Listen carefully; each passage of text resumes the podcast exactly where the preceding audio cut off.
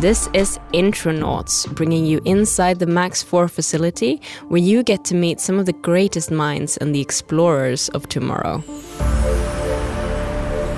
So, right now we're standing next to one of the beam lines. It's a bit loud here. We're out in the sort of in the circle at MAX IV and there's a lot of sort of stainless steel things just happening around me. Can you tell me a bit about what we're seeing? Yeah, so we're standing here at the end of the beamline, and as a user, this is where the action happens for us.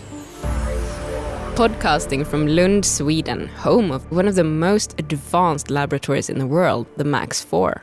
I am your host, Torill Kornfeldt, together with Communications Officer Laura Raster.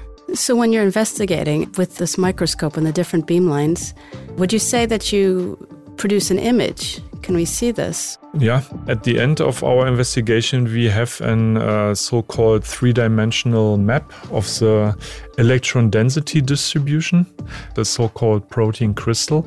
We can, for instance, visualize on a computer, we can turn it, we can fly through this molecule we can manipulate that uh, whatever we want and try to understand how the um, interaction is made of. So, what we will study is ensembles of atoms and molecules. So, we are what's called a small angle scattering beamline. But that means we study large things. And when I say large, I mean less than a micron in size. So, still less than the thickness of a human hair, if we use that analogy. This is Intronauts, podcasting from Lund, Sweden. Thank you for listening.